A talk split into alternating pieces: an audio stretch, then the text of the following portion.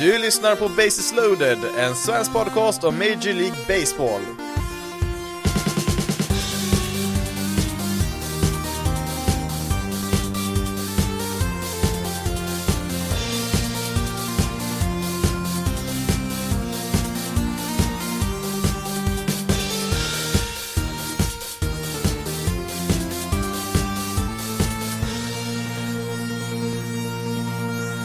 Hej och välkommen till Bases loaded, en svensk podcast om Major League Baseball. Och eh, då var det bara en vecka kvar till eh, första matchen i årets World Series eh, som startar då tisdag nästa vecka, den 26. Och ja, vi har ju kommit en bit in här i, i årets Championship Series här också. Vi har spelat tre matcher då mellan Red Sox och Astros och två matcher då mellan Dodgers och Braves. De ska ju då spela Eh, match eh, 4 och match 3 då i respektive serie då här senare under natten. I detta avsnitt så kommer vi kolla tillbaka lite grann på vad som har hänt här i de eh, tidigare omgångarna här. Jag gjorde ju senaste avsnittet där precis innan wildcard-matcherna, så det har hänt ett och annat här och ja, som väntat så har vi då Red Sox och Braves som just nu ser ut att ta en plats i årets World Series. Ja, det ska ju spelas fler matcher såklart innan vi vet exakt vilka det blir, men Ja, det har ju varit en och annan överraskning som det brukar vara i och för sig då i slutspelet. Eh, både Dodgers och Astros som eh, ändå får ses eh, på förhand var de väl, får man väl säga, favoriterna på respektive sida då i, i slutspelsträdet. Men ja, vi får nog säga att båda två ligger lite kletigt till just nu.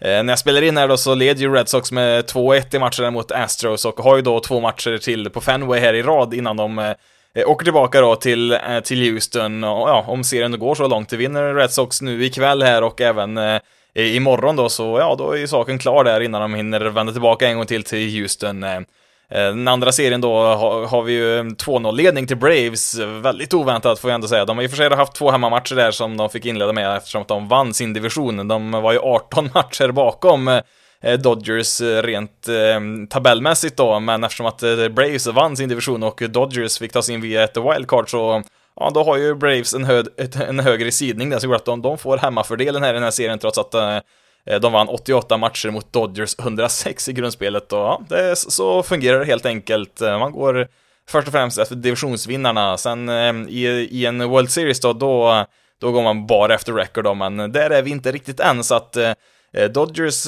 ja, de får nöja sig med att de har tre matcher i rad här nu på hemmaplan då, förutsatt att inte Braves då vinner två i rad här då, men Eh, Eh, ja, som sagt, eh, det är inte, det är inte avgjort, det är inte, men eh, både Red Sox och Braves har nog ett mycket bättre läge än vad jag, jag hade gissat i alla fall. Jag hade väl i och för sig inte tippat varken Red Sox eller Braves att de skulle gå så här långt, men ja, det är så det ser ut i alla fall. Men hur har vi då kommit till den här situationen som vi har då i slutspelsträdet här? Eh, ja, utan att eh, gå i allt för mycket detaljer så om vi kollar först på Red Sox väg här så gick de ju först genom Yankees där, tog wildcard-matchen, eh, tror väl jag tippar dem där om jag inte minns helt fel, minsta möjliga marginal där, det var väl lite 50-50 mellan Red Sox och Yankees där, men ja, de slog ju till tidigt där och slog ut Garrett Cole redan i tredje inningen var det väl där. Och ehm, sen trodde jag väl nog att det skulle bli väldigt svårt mot Tampa Bay, men där stod man upp riktigt, riktigt bra. Race vann väl första matchen där om jag inte minns helt fel, så trodde man att ja, eh, det är väl ganska klart det här då, men eh, eh nej, eh, Red Sox, de har blivit heta här vid, verkligen vid rätt tillfälle. De var ju ganska bra tidigt på säsongen där, sen har de väl gått lite si och så senare på året här och lyckades ju med ganska liten marginal precis ta sig in till wildcard-matchen där, men deras offensiv framförallt har ju vaknat till riktigt rejält här, samtidigt som att Tampa Bay, de Alltså de klantar ju till den här serien egentligen redan på försäsongen. Eh, eh, de tar ju då Dodgers då i förra årets World Series eh, ända till sex matcher där, visserligen förlorar de ju då, men istället då för att bygga vidare på det med framförallt sin starka pitching där så väljer man att inte ta tillbaka Charlie Morton, alltså det var inte så att kontraktet tog slut, utan han hade ju faktiskt en klubboption där som de hade kunnat aktivera för samma lön även i år då, men nej, de valde att tacka nej där. De valde ju också att frivilligt trada iväg Blake Snell Eh, och eh, ja, nu saknar man ju även Tyler Glasnow då i, i slutspelet här, men han kan man ju inte säga så mycket om då, han är ju skadad. Eh, ja, det, det, är ju som det är såklart, men de hade ju definitivt kunnat använt både Snell och Mårten här. Visst, Snell har väl inte varit jättebra i år, det har han inte varit, han har väl varit lite till och från så här, men med tanke på hur det såg ut så hade de nog kunnat använt en något försämrad Snell i deras rotation oavsett. Eh, framförallt Charlie Morton hade ju varit extremt viktig här. Han har ju varit hur bra som helst nu här eh, på slutet för Braves då istället som har hamnat i eh, och kollar vi då på, på lagens pitching då, då i den här serien då mellan Red Sox och Rays så Alltså Rays pitchers, då har man bara en enda pitcher med fem eller fler innings i den här serien. Det är ju Shane McClanahan, han kastade väl fem där i första matchen, så kom han in som reliever här i en annan. Kollar vi på, på Red Sox pitchers, de har fyra stycken som har kastat fem eller fler innings. Återigen då, ganska onödigt tycker jag från Races sida här. Alltså visst, vi vet att de inte spenderar mycket pengar, men det hade inte behövt så himla mycket till. Alltså deras eh, deras offensiv var väl lite av en svaghet eh, förra året. Det var det väl. Den har ju blivit betydligt bättre i år, så tänker man att ja, ja, men nu kanske man får ordning på offensiven här tillräckligt för att de ska kunna vara ett riktigt hot här igen, men då eh, så ser man till att eh, sänka sig på sin pitching istället som man annars är så himla bra på. Det, och det är ju självförvållat också då, för, framförallt med Morton och Snell där som de absolut har, hade kunnat använda i år. Ja, även Rich Hill tradar man ju bort mitt under säsongen här. Han hade man också kunnat använda här mot slutet för de, de har ingen starting pitching längre. Alltså, eh, visst, en starting pitchers roll har ju förminskats för varje år som går här, så, så är det ju bara, men eh, man behöver ju någon form av starting pitching i alla fall. Det behöver man ju fortfarande och det är knappt att man ens har det från Rays sida här. Alltså, Shane McLanahan som sagt eh, kommer säkert bli en bra pitcher eh, här framöver och har ju kastat bra i år, men han är ju en rookie. Han är alltså deras, eh, ja, deras ace då ska man säga i laget här. Han är liksom nummer ett där på listan. Det, mm, ja, det är väl inte optimalt på något sätt. Som sagt, kommer säkert bli bra i framtiden, men Eh, vill väl gärna ha lite mer rutin än man nummer ett är och eh, det blir inte bättre än att kolla vem som är två på listan. Där har vi Shane Bass. Återigen, en pitcher som är väldigt, väldigt lovande och säkert kommer bli väldigt bra. Men, eh, ja alltså, tänk här nu, hur många innings tror ni Shane Bass har kastat i MLB i sin karriär? Jag kan säga att han, även han är en rookie. Tänk efter nu, han är alltså då nummer två i laget som har bäst record för övrigt i American League. Och han har startat totalt tre matcher i MLB, 13 innings. Mm, ja, visst, hans ERA var 2,03 på de där tre matcherna, men... Mm, nej, det, det, det räcker inte, alltså... Visst, nu, nu, skulle man säkert kunna krångla sig igenom en divisionsserie med en sån här, eh, med en sån här rotation, men eh, eh nu möter man dessutom då ett Red Sox vars lineup är stekheta just nu. Jag ska väl inte säga att Rays offensiv var totalt borta, den var väl inte bra, men det var väl inte någon katastrof sådär. Det hade väl kanske kunnat gått om man hade haft eh, bra pitching på sin sida, men eh, nu möter man ju då Red Sox offensiv som i den här serien då hade en slashline tillsammans på 3.41, 3.66, 5.49, OPS över 900. Ja, då, då är det tufft. Man möter ett sånt lag och Eh, kanske blir tufft för många lag här under slutspelets gång, för som det ser ut just nu så är deras offensiv nästan ostoppbar här, men eh, ja, det känns ändå då som sagt som att man kastar bort eh, den här chansen man har här i slutspelet redan på, på försäsongen. Eh, sen visst, det, det kanske inte hade gått ändå, även med samma rotation som de hade förra året så hade det varit en tuff uppgift att stå emot Eh, Eh, Red Sox lineup som sagt eh, är riktigt, riktigt bra just nu. Eh, Kike Hernandez är ju fantastiskt bra. Han, ja, han hade batting average på 450 i den här serien, slugging på 900, så att Mm, det, det, hade ju inte varit någon garanti att de hade gått vidare här ändå då, även med samma lag som förra året, men ja, lite synd ändå för, från Rays sida, men eh, ja, samtidigt så ser det ut som att Red Sox har hittat någonting här nu och eh, de har ju gått fram som en ångvält här som sagt. Eh, den andra divisionsserien gick väl till viss del i alla fall som jag hade gissat här att Astros fantastiska offensiv skulle mala ner White Sox pitching. Man hade väl kanske inte trott att de skulle göra det så fullständigt. Eh, framförallt White Sox rotation tycker jag har sett riktigt bra ut under stora delar av året här. Sen var det lite skador och lite problem här på, mot slutet såklart, men eh, det var en total kollaps här från ja, både deras rotation och bullpen här. Eh, gemensamt hade White Sox en ERA på 7,94 i den här serien. Eh, det är, uff, aj, det, då är det tufft att vinna i en bästa fem om man har en ERA så hög. Eh, kan vi säga så här, de hade tre stycken pitchers i, White Sox som eh, hade en ERA under 4,5. Eh, samtidigt om vi kollar på, eh, på Astros pitching, där hade de fyra pitchers som hade en eh, ERA över 3. Så att, ja, lite, lite obalans där mellan lagens pitching kan vi säga och Ehm, ja, alltså White Sox offensiva, ja, de gjorde väl, ja, de gjorde väl jobbet eh, okej okay ändå så. Sen var ju Astros eh, snäppet bättre såklart där och så kollar man på Astros lineup, det är Ja, det är en ganska ruskig läsning om man är någon av deras motståndare här. Alltså, de har ju då Altuve, Brantley, Bregman, Alvarez, Gurriel, Correa och Tucker. Det är alltså deras sju bästa hitters där och det är ju sju riktigt, riktigt bra spelare dessutom. Eh, Eh, sen har man väl haft ehm, Jake Myers där bland annat, eh, slog ju som nummer åtta där och han har ju faktiskt varit rätt okej okay ändå. Faktiskt varit bättre än genomsnittet i MLB de få matcherna han spelat. Så att eh, han är ingen dålig spelare att ha som nummer åtta. Sen har vi då Martin Maldonado där på sista platsen är nummer nio. Han är väl ett svart hål där i deras lineup, men de de måste verkligen älska Maldonado där i Astros. De kör ut han hela tiden, även om man inte kan slå för fem öre, men ja, han är väl duktig med pitchers, ehm, är han väl, så att eh, när man eh, när man dessutom då har så många bra spelare framför honom där så spelar det inte så himla stor roll om man har eh, en totalt värdelös hitter där längst bak, men ja, i alla fall, det, ja, det är inte så mycket att orda om här egentligen, alltså det var det var aldrig ens nära, alltså Astros vinner ju matcherna med 6-1, 9-4, sen vinner White Sox match 3 där med 12-6 och sen ja, spiken i kistan där i match eh, 4 då, 10-1 till Astros blir det där, så att det, det, det, var ingen som helst diskussion där egentligen eh, i den här serien. Utan, ja, jag trodde väl att det skulle bli lite mer match utav det här, det trodde jag väl.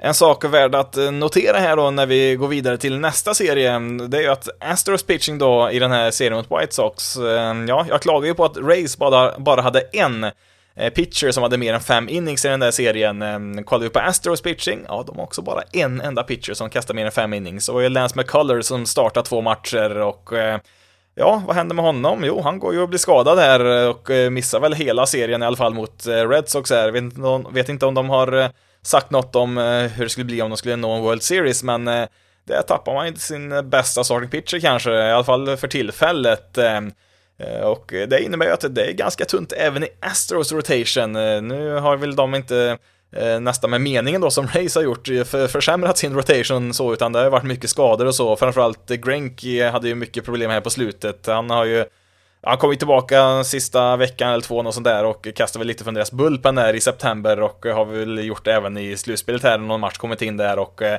får väl se lite grann här nu hur det går. Han ska väl starta här eh, i, i kvällens match här. Får vi se hur långt han orkar kasta igen. Han har ju inte riktigt kommit igång som en starting pitcher ännu, utan det brukar ju ta sin tid innan en starting pitcher är redo att kasta liksom en hel match som vanligt igen, så att jag tror nog att eh, Astros är väldigt glada om Granky bara kastar tre innings kanske, något sånt där. Det hade ju i alla fall varit en förbättring jämfört med vad man fått så här långt eh, i den här serien då, för kollar vi på de tre första matcherna här som de har spelat, eh, eh, första matchen då som Astros vann där så var det ju Framber Valdez som startade, han kom ju ut redan eh, Ska vi se, ja han kom ut redan i den tredje inningen, eh, match två, då var det Luis Garcia som kastade en inning och blev skadad i den andra. Eh, var ju för övrigt ett eh, ganska långt uppehåll där för ja, när en starter går ut så här tidigt, ja då var de tvungen att langa in Jake Odorizzi där för att eh, kasta lite inning, så han fick ju stå Ja, alltså han var ju inte uppvärmd för fem öre där, så han fick ju stå där på planen och värma upp och eh, köra sån här lång toss och allt vad det var där inför 40 000 åskådare där på Minute Maid Park. Eh, men ja, han lyckades i och för sig då, han kom in och Eh, kasta eh, fyra innings där. Visst, han gav väl upp en Grand Slam och ja, det var ju den matchen där när de slog, eh, Red Sox slog en Grand Slam där först, ja, en i första inningen och sen en i den andra. Det var väl första gången det hänt i slutspelssammanhang tror jag. Två Grand Slams så i, i två innings i rad, så att det var ju den matchen i princip slut. Ehm, sen tredje matchen, då ska vi se, då var det, ja, det var Urquidi som startade då, han kommer inte ens igenom andra inningen. Så att, ja, kastar Grenke tre innings eh, eh, i sin start här ikväll så är det en förbättring och det, det säger ju en hel del. Eh. eh, sen återigen, Red Sox eh, offensiv är ju brutalt bra just nu så att eh, det är ingen lätt uppgift oavsett vilken rot rotation det är som eh, möter de här men eh, Alltså deras bullpen måste vara helt slutkörd här nu. Jag vet inte hur många innings de har kastat här nu sammanlagt så att eh, det är väldigt tungt just nu för Astros. Eh, underläge då 2-1 här i serien och eh, det är ju två matcher kvar här på Fenway innan de eh, kommer tillbaka till Houston då och då måste de dessutom vinna minst en av de här matcherna på Fenway för att serien ska leva vidare då tills deras hemmaplan igen. Så att Ja, det, det, blir en tuff uppgift, får jag nog säga att Red Sox får se som favoriter från just den här tidpunkten. Det tycker jag nog. Även om vi säger att Astros skulle vinna ikväll då och kvittera till 2-2 så skulle jag nog ändå ge en liten fördel för Red Sox eh, för Astros pitching som sagt det, eh, det, det ser inte bra ut där och eh, ja, Kike Hernandez, han har väl gått, ska vi se, 8 för 13 i den här serien, 3 homeruns, OPS på 2000.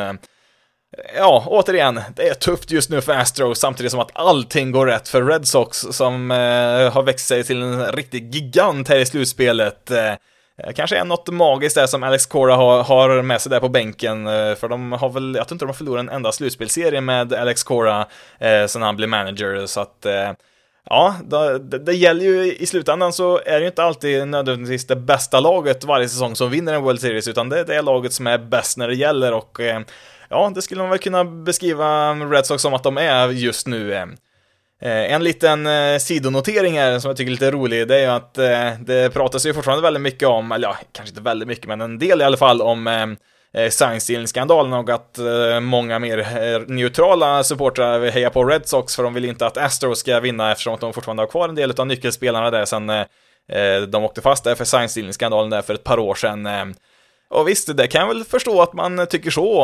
I alla fall att man eh, klankar ner på Astros, absolut. Det var väl en del eh, utav vad eh, Manfred sa där när han ja, när han inte gav ut någon riktig bestraffning till spelarna som var involverade där. Att, ja, nej, de, deras straff kommer att bli att det här kommer fansen komma ihåg i all evighet och så vidare. Så att, ja, det är väl kanske fansens uppgift då att se till att böa ut och påminna de här Astros-spelarna om det här i tid och otid, men Eh, det blir väl kanske lite fel då, de som istället säger heja Red Sox. Ehm, ja, alltså, eh, de har ju själva åkt fast och blivit bestraffade för, ja, inte exakt samma sak, men de, de, de snodde ju olika tecken de också på otillåtet sätt och blev bestraffade för det eh, för ett tag sedan här och Visst, det var inte till samma grad som Astros, absolut inte, men det känns väl som lite hyckleri att heja på Reds också för att Astros åkte fast i science-stealing-skandalen och Ja, kollar ju, vem ser vi där på bänken i Red Sox, deras, eh, deras manager? Ja, men det är ju Alex Cora som nämns i den här rapporten om Astros eh, fusk där som en av de mest drivande personerna bakom den skandalen, så att eh, ja, alltså eh, visst, eh, man kan, eh, kan hoppas på att Astros eh, förlorar eh, eh, för, att, för att de har fuskat, men jag vet väl inte riktigt om man då ska heja på Red Sox istället, för det känns väl kanske inte riktigt helt rätt där, men ja, man, eh, man får väl heja på vilket lag och av vilken anledning man vill, men eh, ja, ville bara poängtera det, för jag tycker det är lite lustigt ändå.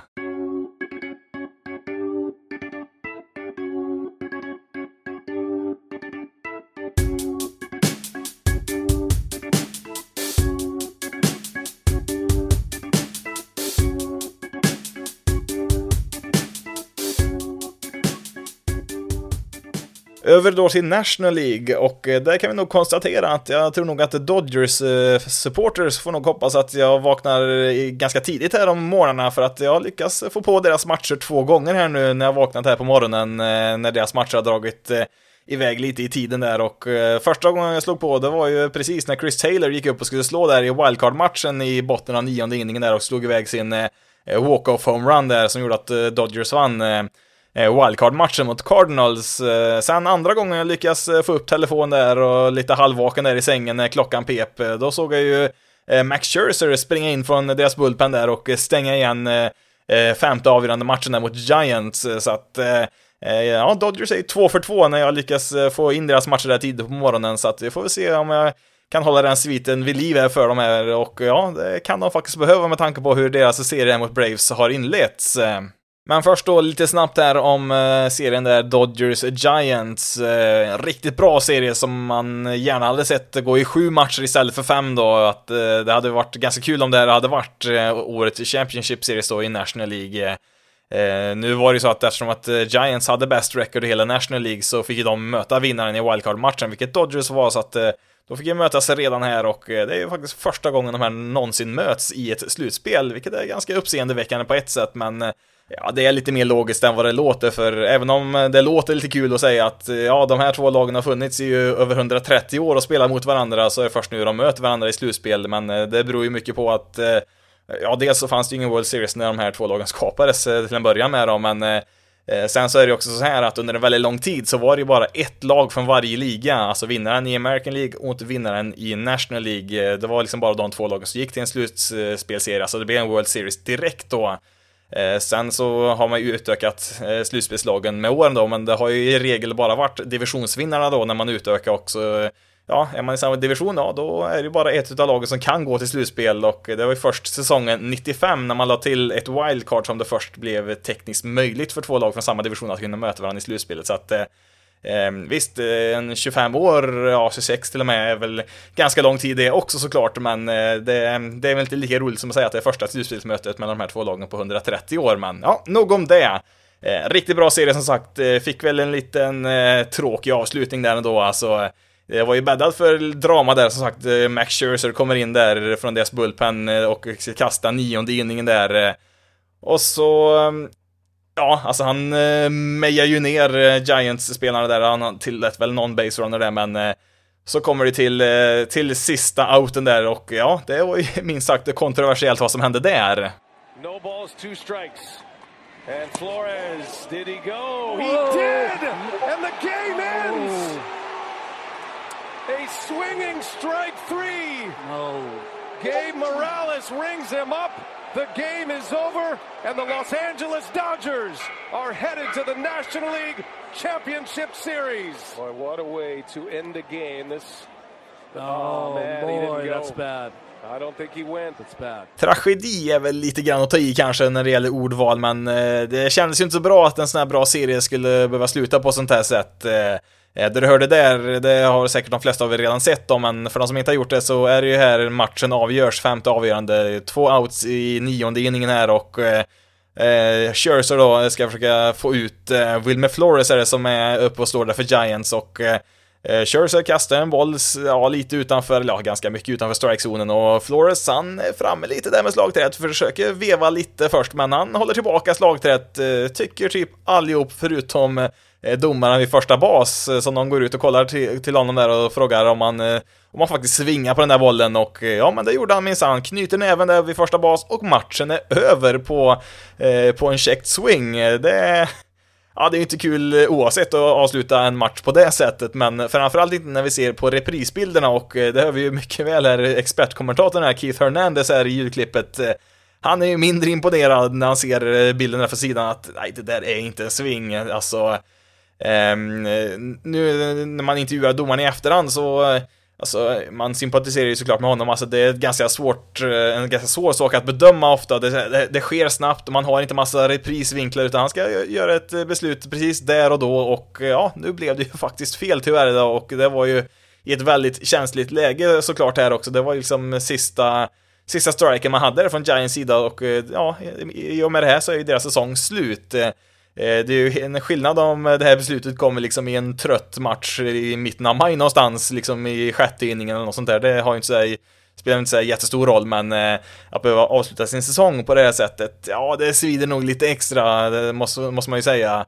Men livet, det är inte alltid rättvist, så är det bara, och framförallt inte när man förlita sig på den mänskliga faktorn när det gäller att bedöma olika saker och eh, annars så tog sig väl upp en ganska intressant grej som de har i Little League World Series, alltså när barn spelar den här stora turneringen som de har, ja, framförallt i USA, de spelar väl i andra länder också då, men eh, eh där har de väl så att eh, sista spelet eh, som avgör en, eh, den sista avgörande matchen, den går alltid till videogranskning. Oavsett vad det kan tänkas vara för någonting så kollar man alltid en extra gång där för att det ska bli rätt. Eh, känns väl spontant som att det kanske skulle vara någonting att eh, införa i ett eh, slutspel också på MLB-nivå liksom. Det finns ju alla möjliga kameravinklar. Kanske då extra viktigt då i elimineringsmatcher då, men ja, återigen, det är gjort är gjort.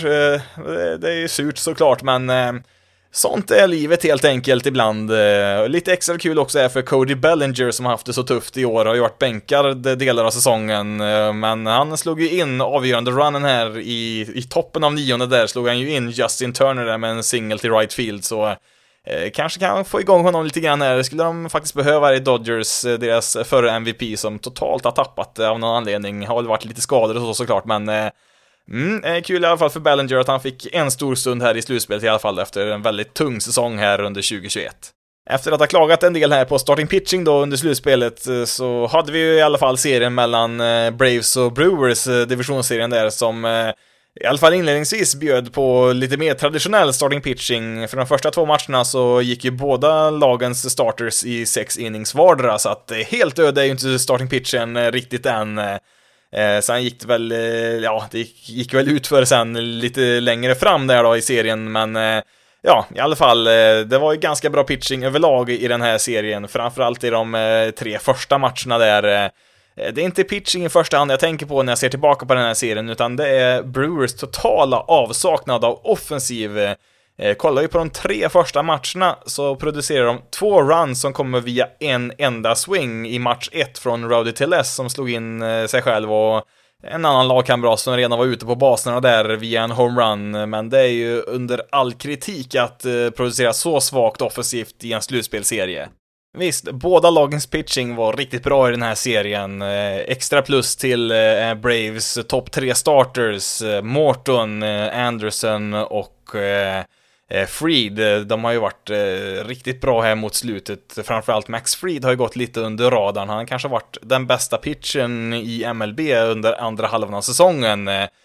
Han leder faktiskt ligan i ERA sen andra halvan då. På 14 starter hade han ERA på 1,74, vilket är betydligt bättre än tvåan på listan, Cal Quantrill 1,94. Så att, ja, Freed och ja, även resten av Eh, Eh, Braves eh, rotation har ju vaknat till liv här när det som mest gäller. Lite grann på samma sätt som Red Sox är, så har de liksom blivit heta här när, när, när de som mest behöver det. Eh, samtidigt så får man väl ta det för vad det är också när de möter en line-up här i Brewer som Ja, de har ju haft, ja, de har ju gått upp och ner i perioder, de kan vara ganska heta de också offensivt ibland, men har ju en riktigt djupa svackor också och de har väl tyvärr hamnat i det just i den här serien då när de behövde det som mest här. Det är ju inte många spelare som presterade här i, i slutspelet. Det var väl, ja, i princip två spelare som slog på en bra nivå. Det var Rowdy Tellez och Omar Narvaez, deras catcher, så Um, ja, det, det, är svårt att säga. Var det Brace pitching som var bra? Ja, det var den väl nog till viss del, men samtidigt, Brewers offensiv var ju totalt värdelöst han också, så att uh, det är väl kanske lite både och här som har spelat roll här, men uh, Eh, Eh, I vilket fall som helst då så eh, sa jag väl det att för att Brewers ska kunna gå hela vägen så måste ju deras, eh, ja, några spelare offensivt där lyfta sig här och ha en het månad här i oktober, vilket de inte hade och därför åker ut. Alltså, deras pitching är absolut tillräckligt bra för att kunna gå hela vägen. De kanske har bäst pitching i, i hela MLB just nu, men man behöver ju några runs offensivt också om man ska vinna matcherna och eh, det kunde man ju inte direkt producera här i den här serien så att ja, då får man ju helt enkelt ta lite tidig semester där. Eh, eh, lär väl vara en prioritet här i vinter, tänker jag, för Brewers att eh, få in någon mer, ja inte bara hygglig utan ganska bra offensiv spelare. Alltså, man hade ju William Adames där och han var ju riktigt bra under grundspelet, men Jelic har ju inte Ja, han är ju långt ifrån MVP-formen. Han vann ju den titeln eh, 2018, det är ju inte så himla länge sedan, men han är ju inte samma spelare sedan han slog den här bollen eh, på, som krossade knäskålen på honom där, eller ja, krossa och krossa, men det var väl en fraktur, men eh, han har ju inte varit samma spelare sedan dess, och sen har han ju även haft ryggproblem. Det har vi sett på en del andra spel, att det är svårt att stå med styrka när man har ryggproblem. Bland annat Carlos Correa hade väl någon säsong för några år sedan Eh, när han hade någon ryggskada där som inte ville ge sig som gjorde att det, det var lite svårare att slå ut bollen ur arenorna där. Kunde väl slå rätt hyggligt men hade svårt att få upp bollen i luften så att säga så att eh, eh, det är väl, man får väl nästan hoppas att det är något sånt med Jelic där, för man behöver ju honom eh, för att man ska kunna på allvar hota om en World Series-titel. Samtidigt, hatten av till Braves, de har ju, ja, de är väl National Leagues variant av Red Sox, har blivit heta vid rätt tillfälle.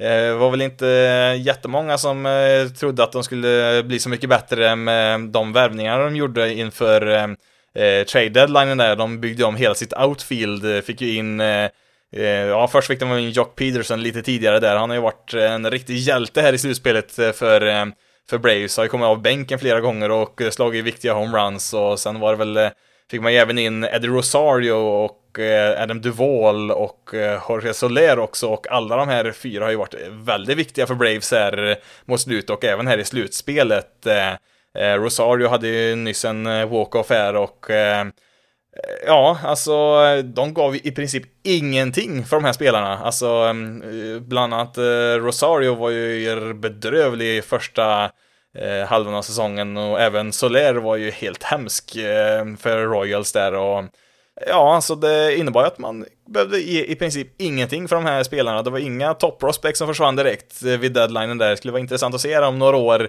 eh, vad som händer med de här spelarna som de skickar iväg. Det är som sagt eh, inga namn man känner igen sådär, men eh, Ja, samtidigt då så, eh, alltså de här spelarna fick in, alltså som Rosario och Soler, de har ju varit bra tidigare såklart. Det är inte så att eh, det här spelet kommer från ingenstans. Alltså, det finns ju kvalitet i de här spelarna och ja, det har vi sett här under andra halvan då såklart. Så att Eh, en total överraskning ska man väl kanske säga att det är, men eh, ändå intressant att eh, se den här utvecklingen då, att de helt plötsligt kommer in i en formtopp här när de då kommer till Atlanta här och får väl också ge en liten guldstjärna här till Braves Front Office som Eh, trodde på det laget när det såg ganska mörkt ut. De var ju under 500 ganska länge på säsongen innan de vaknade till liv här då vid deadlinen där.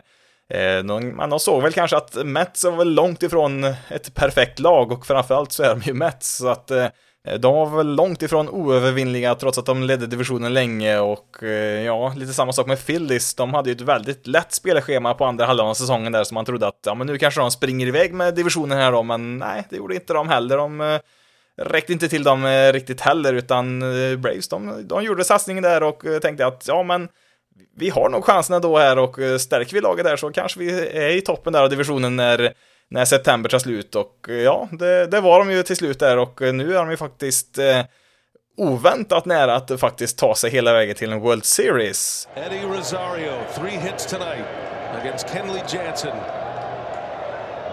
And first ball swinging. Oh, and it gets through!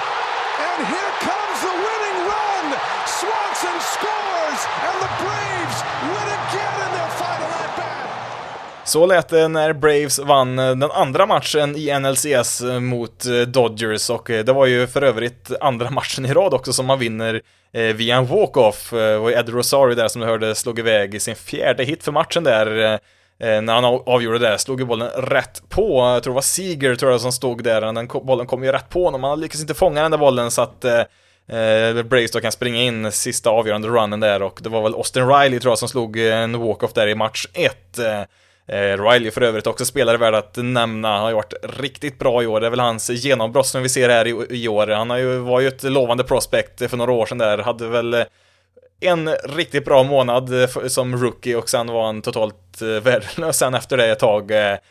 Men nu verkar det som att vi får se varför han var ett ganska högt rankat prospect. Har ju varit riktigt bra under hela säsongen här och har ju fyllt i ganska bra där efter lucka som blev på tredje bas när Donaldson lämnade där för något år sedan här så att eh, eh, ja, Braves har ett riktigt bra läge här. Ska väl i och för sig tillägga att även förra året så ledde ju Braves eh, mästerskapsserien då, alltså Championship Series här mot Dodgers med 3-1 i matcher. Så man hade ju en två matchers ledning även förra året som Dodgers till slut vände. Den serien spelades i och för sig då på neutral plan då under Eh, de restriktionerna som fanns, då spelar man ju sina matcher i i Texas Rangers nya eh, arena där då, men eh, nu får vi se då om det blir skillnad när man spelar då första matchen här i natt då i, på Dodger Stadium. Jag har ju tre matcher i rad här som kommer att spelas. Eh, Braves måste ju ändå känna sig ganska nöjda med att oavsett hur det går här i, i Los Angeles så kommer ju serien att eh, åtminstone komma tillbaka till Atlanta då, även om Dodgers skulle vinna alla tre hemmamatcher. Så att eh,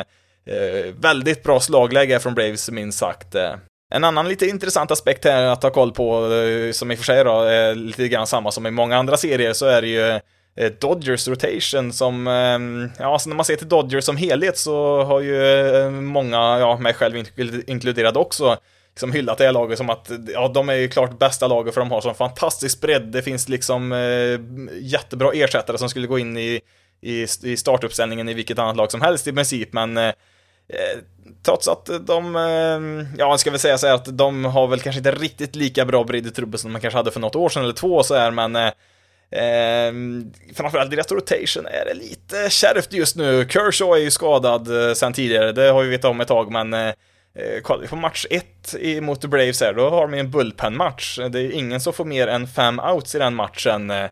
Eh, sen i match två, då var det Scherzeys tur igen att gå in och starta den här gången då. Han eh, gick ju in i nionde inningen där eh, i match fem mot Giants eh, eh för, som closer då, men ehm, eh, det verkar som att jag sliter på honom, för han kom ut redan i femte inningen där och hade liksom långt ifrån hundra kast, men han sa att han hade inte mer i armen där, utan eh, eh, det brukar väl vara så här att man släpper in kanske sina starters eh, när de har en sån här kastdag, alltså lite grann mitt emellan två starters så brukar man ju som starting pitcher gå ut och kasta kanske 25-30 kast och sånt där i en bullpen eh, liksom innan någon match bara för att hålla igång armen lite grann så, men eh, nu fick ju Scherzer använda sin kastdag eh, som nionde inningen i en femte avgörande elimineringsmatch mot Giants, leder med en run. Det är, det är lite skillnad, det är lite annan press på armen när man kastar i ett sånt läge jämfört med när man bara står och kastar lite lugnt så här mellan två matcher bara för att hålla igång, så att Nej, det där inhoppet där mot Giants, det tog nog ganska mycket på armen där, även om det såklart var en viktig insats han gjorde där, så gjorde det väl kanske att eh,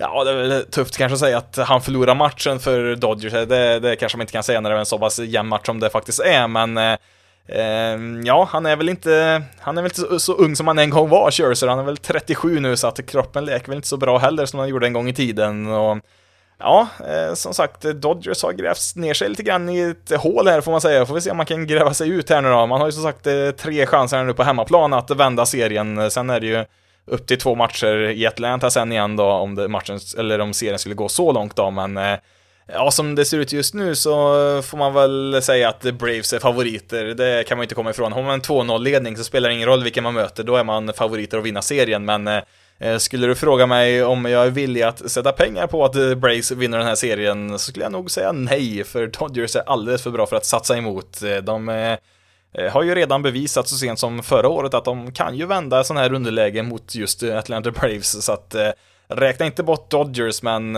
återigen, nu har ju Braves tagit över i förarsätet ganska rejält, så att det, det, det är Braves serie att förlora här helt klart.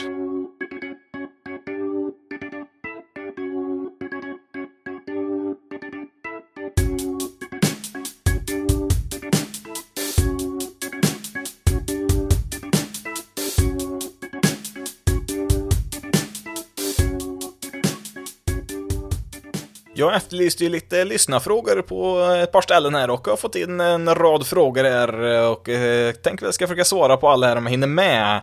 Eh, tänker väl att, eh, ja, jag tänkte först kanske jag skulle försöka sortera in dem här efter kategorier, men gör det väl helt enkelt lite lätt för mig här och eh, tar dem i ordning som de kommit in här. Det är lite, lite gott och blandat. En del slutspel, en del inte alls. Men ja, vi kan väl börja med Christians fråga här och han undrar när vinner Phillies en World Series igen? Frågar åt en vän. Ja, du kan nog säga åt din vän att det kan dröja ett litet tag. Ehm, ja, alltså tekniskt sett skulle de kunna vinna nästa år? Ja, det finns väl någon procents chans att de skulle kunna göra det. De har väl en hel del luckor att täppa igen först dock. Det är väl eh, Framförallt på pitching-sidan eh, behöver de stärka upp där och eh, de behöver väl få betydligt bättre produktion på shortstop där. Gregorius var väl inte alls bra i år och även centerfield behöver de ju lösa där. Det är väl det är väl kanske lite för många hål där för att eh, de ska ha någon stor chans att vinna nästa år, eh, skulle jag väl säga. Men ehm, ja, det, vi kommer nog att se en, en, del i vinter, tänker jag, hur de kommer att tänka de närmaste åren här, för att eh, det här laget är ju byggt för att egentligen vinna just nu med Harper. Alltså Harper är väl eventuellt en MVP i år, får vi se vem som vinner den. Han är ju åtminstone topp tre där i den omröstningen i National League, så att eh, eh, när man har en sån spelare, då, då är det ju all in som gäller egentligen, och eh, de har ju satsat på en del andra spelare som kostar en del pengar, och eh, ja, de har ju Zach Wheeler, har ju kastat riktigt bra där, så att eh, ehm, i teorin så skulle de väl kunna vinna nästa år, men de, de är lite långt ifrån. Det, det, det, är väl om de eh, kommer i samma läge som typ Red Sox och Braves har gjort eh, just nu, att de helt plötsligt eh, tar, tar sig in med med nöden näppe, kanske in i slutspelet och sen ja, helt enkelt kommer in i en formtopp vid rätt tillfälle. Då, då är det såklart allt möjligt, men jag är lite tveksam till om att det här eh, fönstret som de har just nu, om det verkligen är den här omgången i den här satsningen som de kommer att vinna, för att det, det, det finns lite för mycket brister samtidigt som att deras eh, farmsystem är ganska dåligt just nu och eh, de har ju spenderat ganska mycket pengar redan. Så att det finns, det beror väl på, har de obegränsat med tillgångar, visst, då kan de väl kanske hitta på någonting här ganska snart, men jag undrar på om de kanske måste kanske inte bygga om helt och hållet, men eh, det känns väl spontant som att eh, eh, det, det, behövs lite för mycket förändringar tror jag för att de ska kunna vara en allvarligt hot till titeln den närmaste tiden i alla fall. Nästa fråga från Tobias har två frågor här. Först då, vem vinner World Series i år? Kort svar, vet ej. Eh, jag gissar väl på att när säsongen började så gissar jag väl säkert på Dodgers och det är väl ett rimligt eh, Eh, val än idag, även om de har det lite tufft just nu, men eh, om jag skulle få göra en gissning baserat på hur det ser ut exakt här och nu eh, så Ja, alltså om vi säger att Red Sox och Braves gör, gör jobbet här nu och stänger sina serier här så om de skulle mötas där så tror jag nog ändå på Braves där så att ja, vi säger det. Atlanta Braves blir årets World Series-mästare. Han undrar också, vem tror du blir President of Baseball Operations i Mets? Alltså vem som ska styra Mets som organisation, i alla fall rent baseballmässigt. Eh, ja det är nog en fråga som de själva inte ens vet tror jag, för att det har nämnts tre namn på topplistan som de ville ha till sitt eh, bygge där i Queens. Eh, först och främst Theo Epstein, Cubs och Red Sox-legenden som bröt deras långa sviter där, han jobbar ju för MLB nu för tiden. Eh, namn nummer två, David Stearns, har ju samma titel i Brewers och eh, sen har vi även Billy Bean och han har ju motsvarande roll då i Oakland. Eh, och eh, ja, dessvärre då för Mets så har ju Epstein tackat ju nej först. Han hade väl något möte där med eh, Steve Cohen, där deras ägare. Eh, Stearns fick inte ens tillåtelse att eh, bli intervjuad utav Mets där, utan eftersom man har samma roll där så kan man inte Eh, intervjua folk då om inte laget går med på det. Alltså man kan, eh, man kan kräva en intervju då om det är en, liksom en, eh, en högre roll man vill värva en en person till då, men när det är samma roll då som han redan har i Brewers, då, då har ju de rätt att säga nej och jag vet inte riktigt om han känner för att flytta till New York heller. Han har ju ganska bra situation där i Milwaukee, så att nej, ingen David Stearns heller.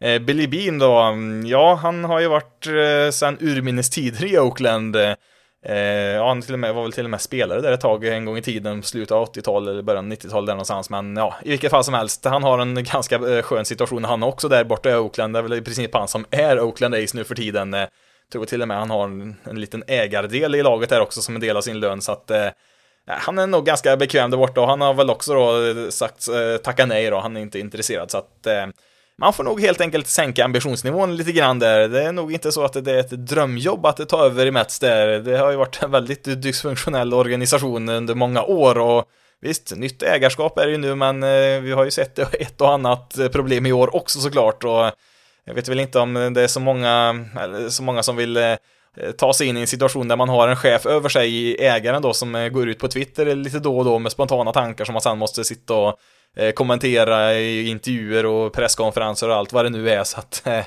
det är nog kanske inte ett drömjobb som alla vill ha direkt så, det har vi ju uppenbarligen märkt då, eftersom att eh, vi har redan tre kandidater som har tackat nej.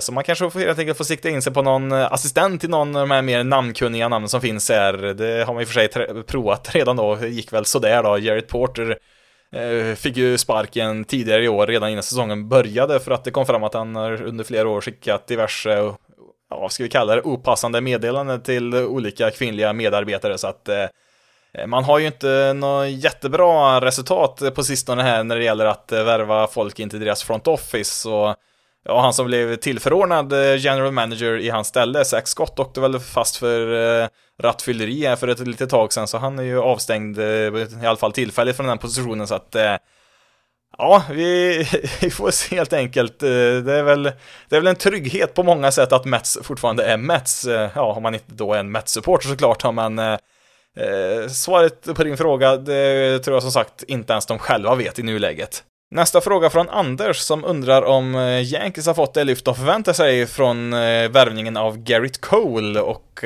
ja, det är en del som har frågat sig faktiskt. Det är ju andra året som han är eh, som han är i Yankees då. Han kom ju då under 2020 där under den förkortade säsongen där och eh, eh, visst, eh, har man ju en och annan förväntning på sig när man skriver på ett kontrakt, eh, nio år, 324 miljoner dollar, det är alltså det största kontraktet någonsin för en pitcher.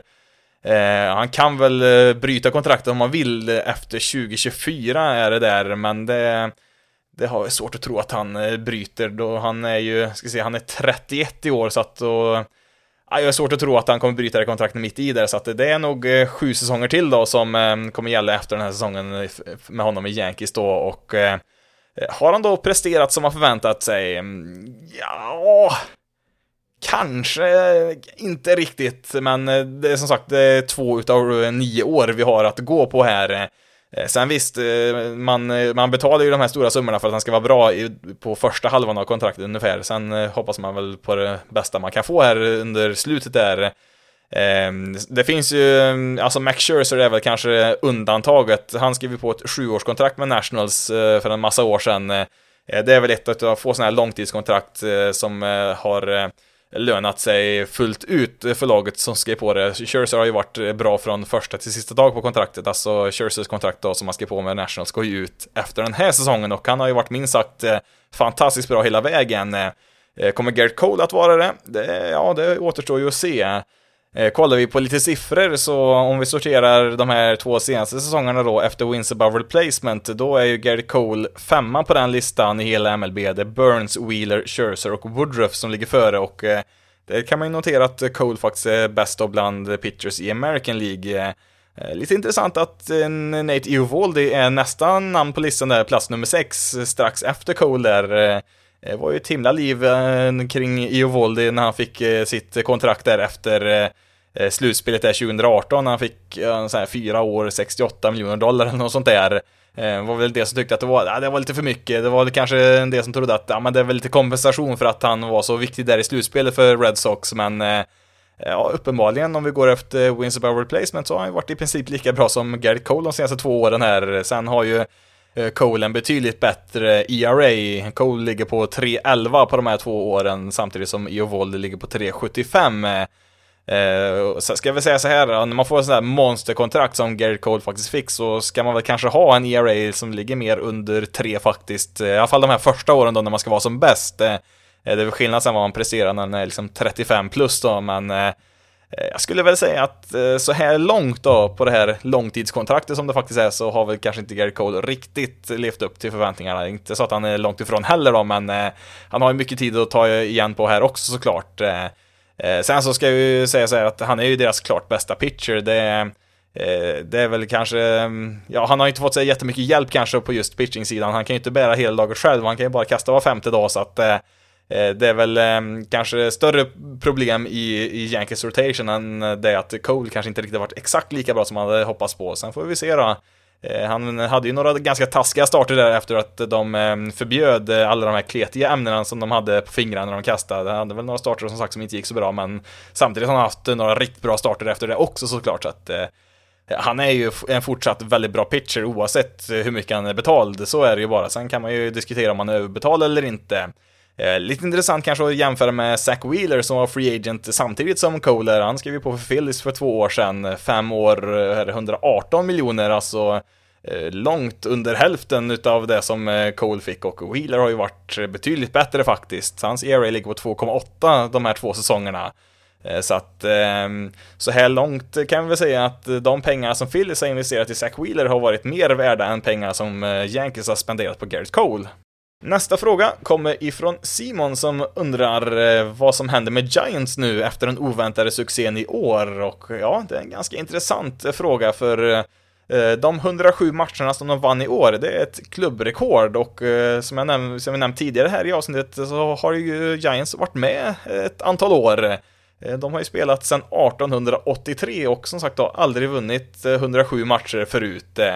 Eh, sen ska man tillägga att eh, man har ju inte alltid spelat exakt lika många matcher varje år som man gör nu, så att de har väl några säsonger där de tekniskt sett har en högre vinstprocent än vad de hade i år, men eh, kollar vi bara efter vinster så är de här 107 som de har nu ett rekord. De har kommit över 100 vinster åtta gånger genom åren, så att eh, det här är en exceptionellt bra säsong. Jag tror nog om vi kollar på de bästa säsongerna i hela MLBs historia så kommer nog den här säsongen ligga ganska högt upp också. Alltså 107 vinster är extremt högt, eh, eh är det ju, och eh, det här är ju intressant med, med tanke på deras lagbygge här då, så nu tänkte man ju att det är den här vintern, nu kan de äntligen börja spendera här igen, det är nu de ska bli, bli bra igen till 2022, men ja, uppenbarligen så är man väldigt bra redan nu.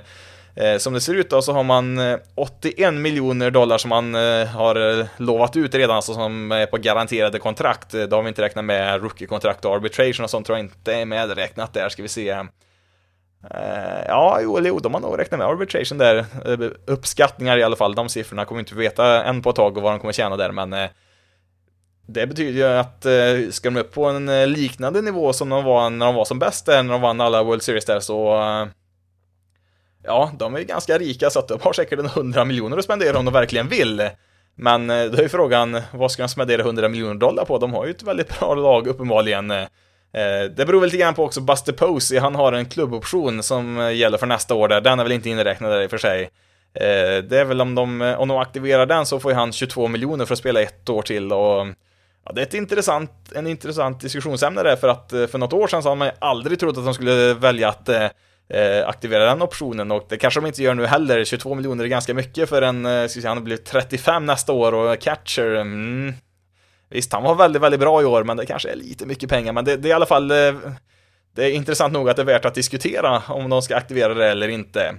Eh, sen har vi även Longoria, hans kontrakt försvinner ju efter nästa år också där, så att de har ju väldigt mycket utrymme att spendera pengar på, det har de absolut. Så att eh, jag, jag, jag, är ganska fascinerad över vad Giants kommer göra i vinter. Som sagt, eh, de har ju fått väldigt mycket bra produktion från väldigt oväntade spelare. Det är ju frågan om, liksom, är det så här one hit wonders eller är det här bra spelare de faktiskt har hittat eh, som de har på sin eh, roster, liksom alla de här Jestramski och Dickerson och Darin Ruff och allt vad de heter där.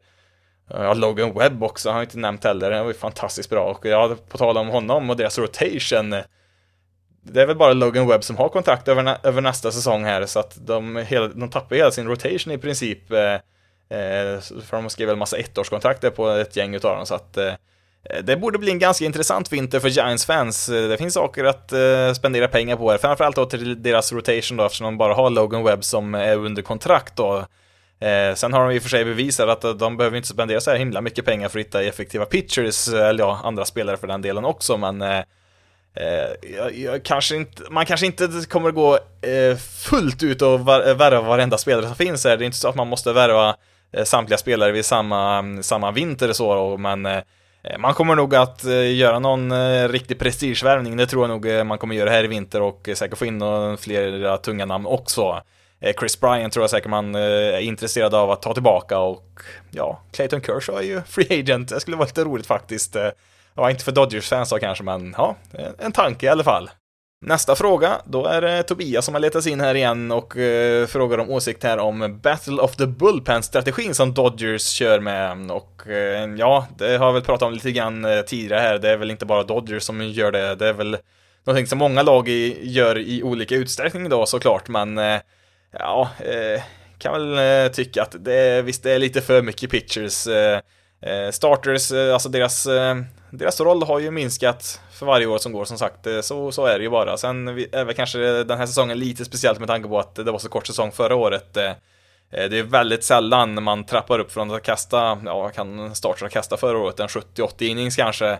Att gå från det och kasta sen nästa år 200 innings, det är väldigt sällan det händer. Man brukar ju bygga upp starters Eh, lite åt gången. Kastar man 100 eh, innings eh, en säsong, då kanske man kastar ja, eh, 130-140 nästa och så bygger man upp lite grann år för år för att de ska hålla lite längre och så, men det kunde man ju inte göra förra året, så att visst, jag kan väl ha viss förståelse för att det är många pitchers som är ganska slut just nu, framförallt starters då, som inte har kastat så här många innings på ganska länge.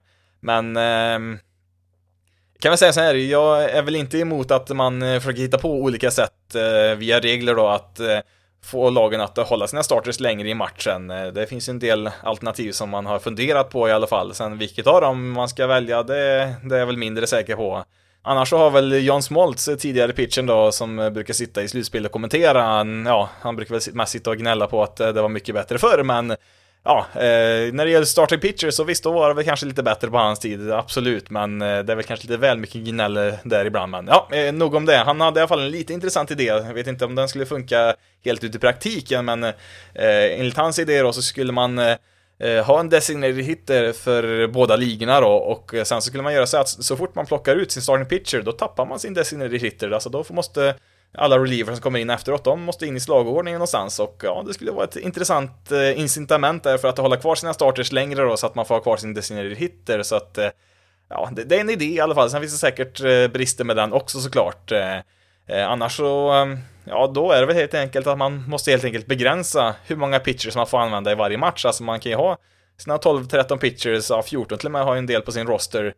Eh, att man säger att, ja men de här, ja säg fyra pitchers, eh, de eh, anmäler vi till den här matchen. Det är bara de vi får använda och så kanske man får anmäla kanske en femte då, säg ifall det blir extra innings eller något sånt där. Men ja, det är väl nästan något sånt man måste ta till för att kunna stärka en starting pitcher igen. För att det är ju, det är lite roligare när man kan ha ett ace från båda lag. Alltså, idag är det Scherzer versus Verlander eller vad det nu kan vara för någonting. Det, det blir lite extra krydda på en, på en bra match om man har två riktigt bra starting pitchers som man vet säkert kommer kasta 6-7 innings eller något sånt där. Det, det är betydligt mer intressant än vad det är just nu när man knappt vet om de kommer komma ut ens ur femte inningen. De kanske får gå ut redan efter fyra om det går lite halvknackigt sådär när man har så många eh, armar man kan slänga in där i sin bullpen. Så att, eh, rent underhållningsmässigt så tycker jag att man borde göra, göra någonting helt enkelt. Exakt vad, det vet jag inte, men eh, eh, sen om man går över till mer den taktiska delen då, alltså hur bra det faktiskt är som de gör. Eh, alltså, de som tar de här besluten som har kommit fram till att de ska göra så här, de är betydligt mycket smartare än vad, vad jag är i alla fall när det gäller sånt här, så att eh,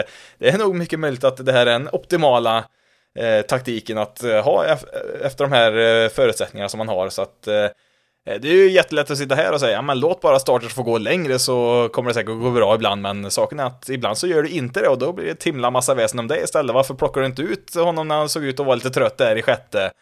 Sen så är det ju, ja, vetenskapligt bevis höll jag på att säga, men det, det är väl egentligen det att en pitcher är mycket sämre när han möter samma motståndare för en tredje gång i samma match. Alltså, man pratar ju om third time through the order, alltså när man kommer upp en line-up där för tredje gången då mot samma pitcher i en match, då då svänger statistiken ganska rejält till eh, slagmannens fördel. Eh, det är ju så att de, de får ju se en pitcher fler och fler gånger under matchen och till slut så ser de lite bättre vart bollen lämnar handen och lite grann vart de placerar bollarna och sådär och till slut då så väger det över till slagmannens fördel och det brukar vara efter tredje gången man möter, eh, möter varandra då och det kan du kolla på vilken pitcher som helst. Det är, visst, en del är bättre än andra på att eh, hantera en slagman för tredje gången i en samma match, men det, det, här gäller även de absolut bästa är mycket sämre tredje gången de möter någon, så att det, det är inte så konstigt heller kanske att de plockar ut eh, en pitcher då när man börjar närma sig tredje rundan då genom slagordningen, så att eh, jag förstår väl varför man gör det, men det är inte så jättekul att se på. Sen så,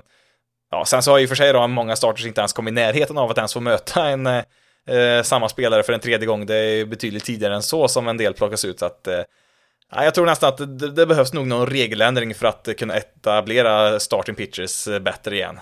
Nästa fråga kommer från Jonas som undrar om Angels eh, kan och eh, om de ska behålla både Shohei Otani och Mike Trout samt vad som krävs för att komma tillbaka till slutspelet igen. Ja, Angels har ju inte varit i slutspel sedan 2014 tror jag var senast som var där, så det har ju varit ett tag nu och eh, Ja, det enkla svaret är pitching är vad som krävs. Eh, ja visst, Otani har ju visat sig kunna kasta ganska bra, men eh, det behövs ju mer än så. Eh, det har ju varit ett stort problem i många, många år för Angels som inte kan få till sin, sin pitching för fem öre här. Alltså de har ju haft lite spelare som har varit, ja men kanske ser lite lovande ut, det kanske kan bli något med den här, men så blir det inte så mycket. Och så finns det som Tyler Skaggs som tyvärr gick bort för ett par år sedan. Han såg ut att kunna bli riktigt bra där för dem, men ja, återigen, det är pitching som gäller, men det är ju frågan hur mycket pengar de vill spendera här nu. Alltså, Trout och Rendon har ju enorma kontrakt eh, som är sträcker över många år till här. Eh, Otani, eh, alltså det är ett väldigt fascinerande fall. Hur ska man betala honom? Alltså nu har han väl något år, eller om det är två år kvar eh, i arbitration, så att det, det är inte så att de måste eh, agera precis här och nu med Otani, men det är Alltså tänk, eh, skulle Otani ha en liknande säsong som han hade i år även nästa år? Alltså vad är ett rättvist kontrakt för en sån spelare som är så fruktansvärt bra både som pitcher och som hitter? Alltså, ja, Trout har ju rekordet där det är 420 miljoner han fick. Alltså, ja, är Otani så här bra som han varit i år varje år, då ska han ju väl ha 500 miljoner minst, tänker jag. Alltså, ja, och då är ju frågan då, kan de behålla honom? Om man ska ha så mycket pengar. Mm. Ja, jag, jag, tror nog vi får kanske vänta och se lite grann hur det ser ut nästa år. Det är väl tveksamt om man kan vara riktigt så bra som man var i år även nästa år. Det, det blir nog svårt att upprepa från år till år så, men eh, det, det är en stor summa pengar som han kommer att eh, kunna kamma hem i Free Agency även han, så att eh, då är ju frågan, vad finns det kvar då att spendera på resten av laget? Alltså, Eh, de har ett par unga outfielders där i Marsh och Adele som eh, kommer stärka dem här nu offensivt också såklart, men eh, det är som sagt, det, är pitching de måste lösa. De har ju inte haft någon flyt alls när det gäller pitchingvärvningar eller från deras farmsystem alls på sistone. Det är, det är Otan i, princip de har. Sen har de väl haft några namn där som har, ja, kastat, eh, ska vi säga, de har väl kastat på, på en ganska bra nivå, kanske kan bli bättre framöver här också, men Eh, det har vi sagt om många andra pitchers som har producerat tidigare också, så att eh, Nej, de måste lösa sin pitching-situation helt enkelt. Det är liksom det enda de ska fokusera på här i vinter för att de ska kunna ta sig tillbaka till slutspelet igen.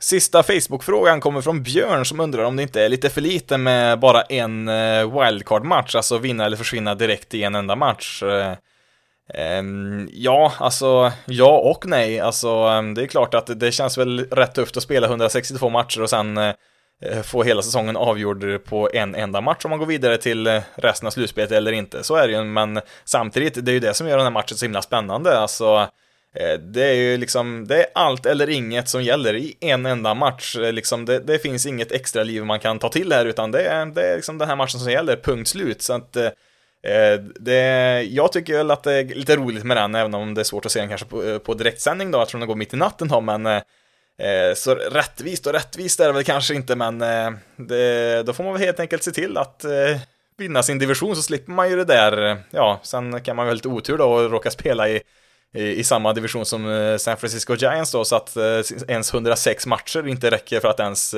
vinna divisionen och därmed få spela en wildcard-match. Så kan det ju bli ibland, men det det är ju undantag alltså.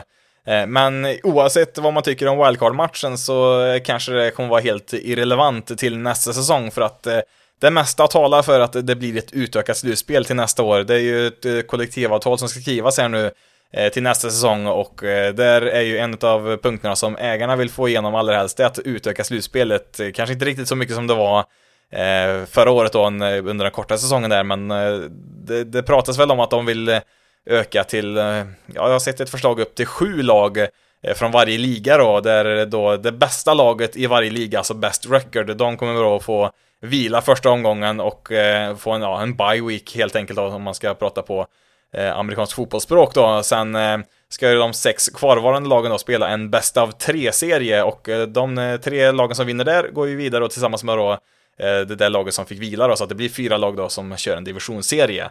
Eh, det låter väl som det är det mest troliga förslaget. Sen kan det ju hända mycket eh, under vintern här såklart. Det kan ju som sagt bli exakt samma upplägg även nästa år, men det mesta talar väl för att det blir någon förändring, att det blir mer eh, slutspelsmatcher helt enkelt, för att det, det, det är väl där de största pengarna finns rent tv-mässigt i slutspelsmatcherna. Det är där de får bäst betalt, så att det är väl därför de vill ha dem där. Så att det var väl kanske ett litet test förra året också, när det var så många bästa av tre matcher där och se hur det fungerar och eh, eh, jag tror nog det kommer bli en ändring där som sagt. Jag skulle bli förvånad om eh, eh vi nästa år har en wildcard-match lik den vi har just nu. Till sist fick jag in två frågor via mail också. Det går ju bra att mejla ja, frågor och ja, lite allt möjligt egentligen om man vill där. Eh, då skickar man till basisloadedse gmail.com Eh, fick ju faktiskt in eh, för övrigt en uppsats här i somras som någon hade skrivit om eh, baseball. Det är inte något man förväntar sig att få in i brevlådan varje dag direkt så, men ja, har man något att skicka in så visst, skicka ner. Jag har inte hunnit riktigt läsa den uppsatsen än. Jag vet jag börjar på den där men han inte riktigt bli färdig än. Men ja, som sagt, har ni något att skicka in så visst, varför inte? Mailen finns där om ni vill dela med er av någonting. Men jag har ju fått ett par frågor här också inför det här avsnittet och då har vi signerat det från Tigerkatten. Ja, eh, inte helt oväntat så vill eh, herr eller fru Tigerkatten veta om eh, eh Tigers, eh, ja, det är väl, jag vet inte om det är en fråga eller om det är ett eh, konstaterande, men det står Tigers slutspel 2022? Frågetecken, utropstecken. Ja, som eh, Tigers-supporter själv så kan jag ju inte annat än gilla din optimism här, men jag vet inte om jag delar den fullt ut. Eh, Ehm, men vi kan väl göra ett litet test här för er som lyssnar. Alltså, jag vet inte hur stor koll ni har på Tigers säsong eh, 2021, men eh, om ni bara tar en liten kort stund och försöker fundera, hur många matcher tror ni Detroit Tigers vann 2021? Ehm, och som en följdfråga där kan man ju också ta med eh, vilket annat lag hade exakt samma record som Tigers? Alltså hur många matcher vann Tigers och vilket annat lag kan tänkas ha haft samma record som de hade i år? Eh, ja, nu är det faktiskt tekniskt sett två lag som eh, delar eh, samma record som Tigers, men ja, kan vara värt att fundera och ja, om du vill ha mer betänketid får du pausa för nu kommer svaret här. Detroit Tigers 2021 har ett record på 77 vinster och 85 vinster. Det är nästan chockerande. Alltså 77 vinster för det bröt sämsta laget som har varit de senaste åren. Det är helt fantastiskt på något sätt. Alltså de Eh, alltså räknar du bort eh, april månad så är det ett lag som är över 500, alltså de eh, vann mer matcher än vad de förlorade efter april månad när de var totalt bedrövliga för övrigt då, men de spelar faktiskt eh, rätt bra under stora delar av året. Eh, och eh, de andra lagen som också vann 77 matcher i år, det hittar vi bland annat eh, Angels, kanske inte jättechockerande att de vinner 77 matcher, men eh, sen så har vi även New York Mets som typ alla trodde skulle vinna sin division i år.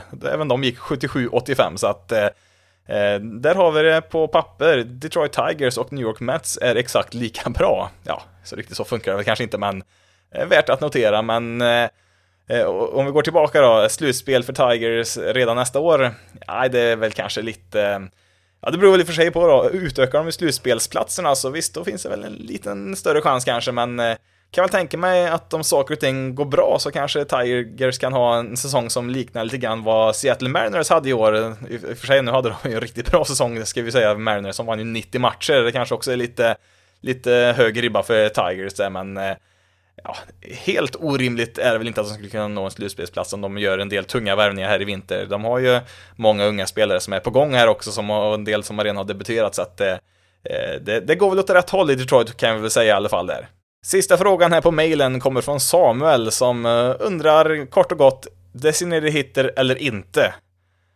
Ja, min åsikt är att vi borde ha en designated hitter i båda ligorna. Visst, det finns väl en viss tjusning i att det är lite olika mellan de två ligorna, men samtidigt är det väl ganska skumt att man inte har samma regler när man ändå spelar eh, i övrigt efter samma regelverk och sen faktiskt möter varandra i slutspel och sådär, så att eh, eh, jag tycker man ska ha en designated hitter och det mesta talar väl för att det, det kommer bli det även i National League här i, i och med eh, eh kollektivavtal som ska skrivas här i vinter. Det, det verkar de flesta tro i alla fall. Jag liksom eh, Visst, det är väl kul eh, då och då ibland när en pitcher får en oväntad hit, men det är... Nej, alltså... Eh, alltså catchers är i regel ganska dåliga på att slå. Eh, I snitt är väl de typ 15% sämre ungefär än genomsnittet Eh, bland hitters, men en pitcher är 120% sämre i snitt än en genomsnittlig slagman, så att... Eh, eh nej, jag, jag, klarar mig ganska bra utan att se fullständigt patetiska försök till att svinga slag till rätt, så att eh, eh, jag vet att det är en laddad fråga för många. Jag tror jag gjorde någon sån här undersökning om det var, jag vet inte om det var förra året, där det var ganska delat på båda sidorna vad man föredrog om man vill ha en decennier eller inte, men eh, nej, alltså den bästa pitchen på att slå, ja, Otani är borträknat, han är, han är ett specialfall. Eh, men eh, de bästa pitchers som när det gäller att slå, de är ja, kanske ungefär lika bra som den sämsta slagmannen. Ungefär så brukar det vara. Det kan väl finnas, som sagt, det kan väl finnas en och annan undantag också där, men eh, nej. Ja, jag tycker att vi har sett tillräckligt med pitchers gå upp och slå så att jag kommer inte att sörja om den, om den regeln även införs i National League nästa år. Då får det nog räcka här för detta avsnitt och eh, framförallt ett stort tack till er som eh, skickar in eh, frågor. Det går ju såklart bra att skicka in vid andra tillfällen också. Det går ju att svara på lite, lite när som helst så att eh, det är bara att skicka på om ni har någonting ni undrar på. Sen kanske jag svarar direkt eh, eh via mail eller om det skrivs på Twitter eller Facebook eller vad det är. Men det kan ju komma med i podden också om det är något intressant som kanske fler vill ha svar på. Men eh, ja, eh, som sagt, vi får väl se här när nästa avsnitt kan tänkas dyka upp. Eh, måndag vore väl ganska bra. Ska se, det är väl, ska vi se, det är väl tisdag sa vi som är första World Series-matchen. Ja, precis på måndag kanske kan spela in eh, inför World Series där och kan ha ute på tisdag morgon där. Så att eh, vi kan väl ha det som riktmärke så får vi väl se vart vi landar någonstans. Eh, men ja, som sagt, eh, nu när jag spelar in här så är det ganska precis en vecka tills första World Series-matchen eh, börjar spelas. Det här kommer väl i och för sig ut på onsdag morgondagen och eh, ja, då kommer ni redan veta hur det går i match 4 här mellan eh, Red Sox och Astros samt eh, match 3 då mellan Dodgers och Braves. Det är väl bara en dryg halvtimme kvar här nu när jag spelar in här tills, eh, det är väl Braves Dodgers som spelar först här, ganska tidig match och ja, den är i, Los Angeles också så att det måste bli en väldigt tidig match, det är lokal tid för att vara en slutspelsmatch så här på en vardag men ja, ja, det är inte jag som lägger spelschemat eh, och tv-tiderna men ja, eh, vi får väl se som sagt eh, när vi hörs av nästa gång men ja, det får väl som sagt räcka här för denna gången. Du kan följa Basis Loaded på Twitter, Facebook och Instagram. Du letar upp Basisloaded SE. Du kan även mejla till basisloadedse gmail.com. Men nu har jag pratat tillräckligt för idag. Mitt namn är Jonathan Fabri. Tack så jättemycket för att du har valt att lyssna på detta avsnitt av Basis Loaded. Ni får ha det så bra där ute, så hörs vi i nästa avsnitt.